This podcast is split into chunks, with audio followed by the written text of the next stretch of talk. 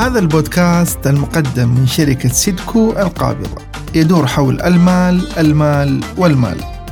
كيفية إدارة أموالك وكيف تحقق الاستقلال المالي. والأهم من ذلك مساعدتك في تحسين علاقتك مع المال.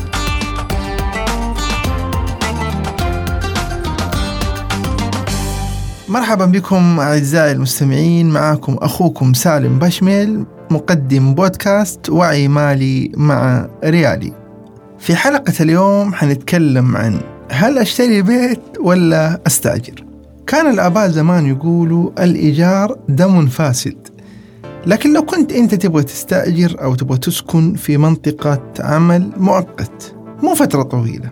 غالبا اللي حتسويه إنك حتستأجر ما حتشتري أكيد بيت في مكان أنت حتكون فيه فترة مؤقتة.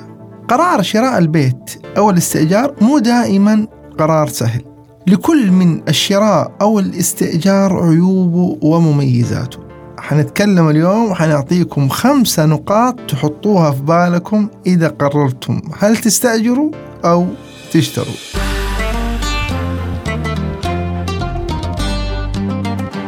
النقطة الأولى التكاليف. إذا تبغى تستأجر بيت غالبا حتدفع مبلغ صغير كل شهر لكن لو كنت بتشتري البيت في الغالب حتدفع دفعة أولى كبيرة ممكن تكون 25% من قيمة المنزل بعدها راح تدفع دفعات القرض السكني الشهرية واللي في العادة بتكون أعلى من قيمة الإيجار الشهرية وراح تتحمل تكاليف التشطيب والفرش والصيانة والفوائد والضرائب المتعلقة بشرائك للبيت.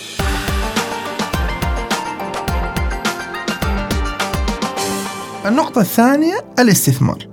إذا كنت تبغى تسكن في بيت غالبا أكثر من خمس سنوات فشراؤه هو الخيار الأوفر على المدى الطويل.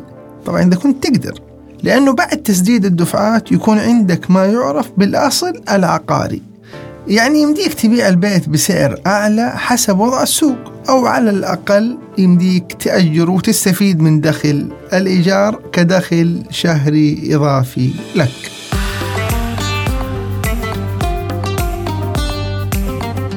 النقطة الثالثة ديكور المنزل.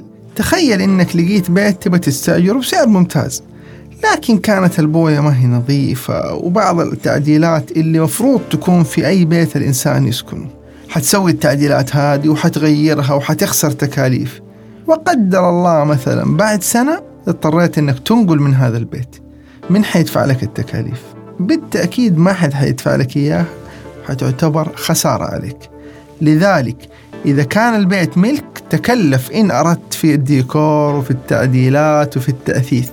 وإذا كان إيجار خلي في بالك ممكن تتركه بعد فترة بسيطة.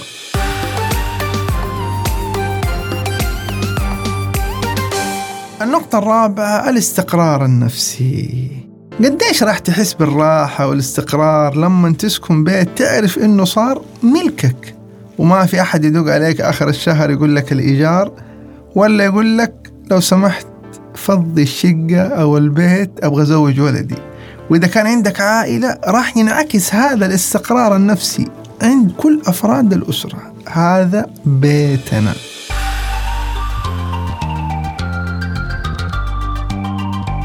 النقطة الأخيرة اللي لازم نفكر فيها لما نبغى نقرر هل نستأجر أو نشتري بيت هي مرونة الانتقال. تخيل جاك ظرف طارئ واضطريت إنك تنقل مكان عملك أو مكان المدرسة لأولادك أو لسبب ظروف مشاكل مع الجيران اضطريت إنك بالضرورة تغير مكان سكنك. في هذه الحالة حيكون من الأفضل لك لو كان المكان إيجار. لأنه لو كان ملك حيكون صعب عليك جدا إنك تترك بيت ملكك وتروح للإيجار. خاصة إذا كان هذا البيت الملك أنت أثثته وتعبت في ديكوره فغالبا حتضطر تستأجر وتترك البيت هذا فاضي وهذا استنزاف مالي كبير للميزانية. تختلف الآراء. في سؤال هل أشتري أو أستأجر؟ وحقيقة ما في قول واحد ينفع للكل. صعب أنك تقول في قرار يناسب كل أفراد المجتمع.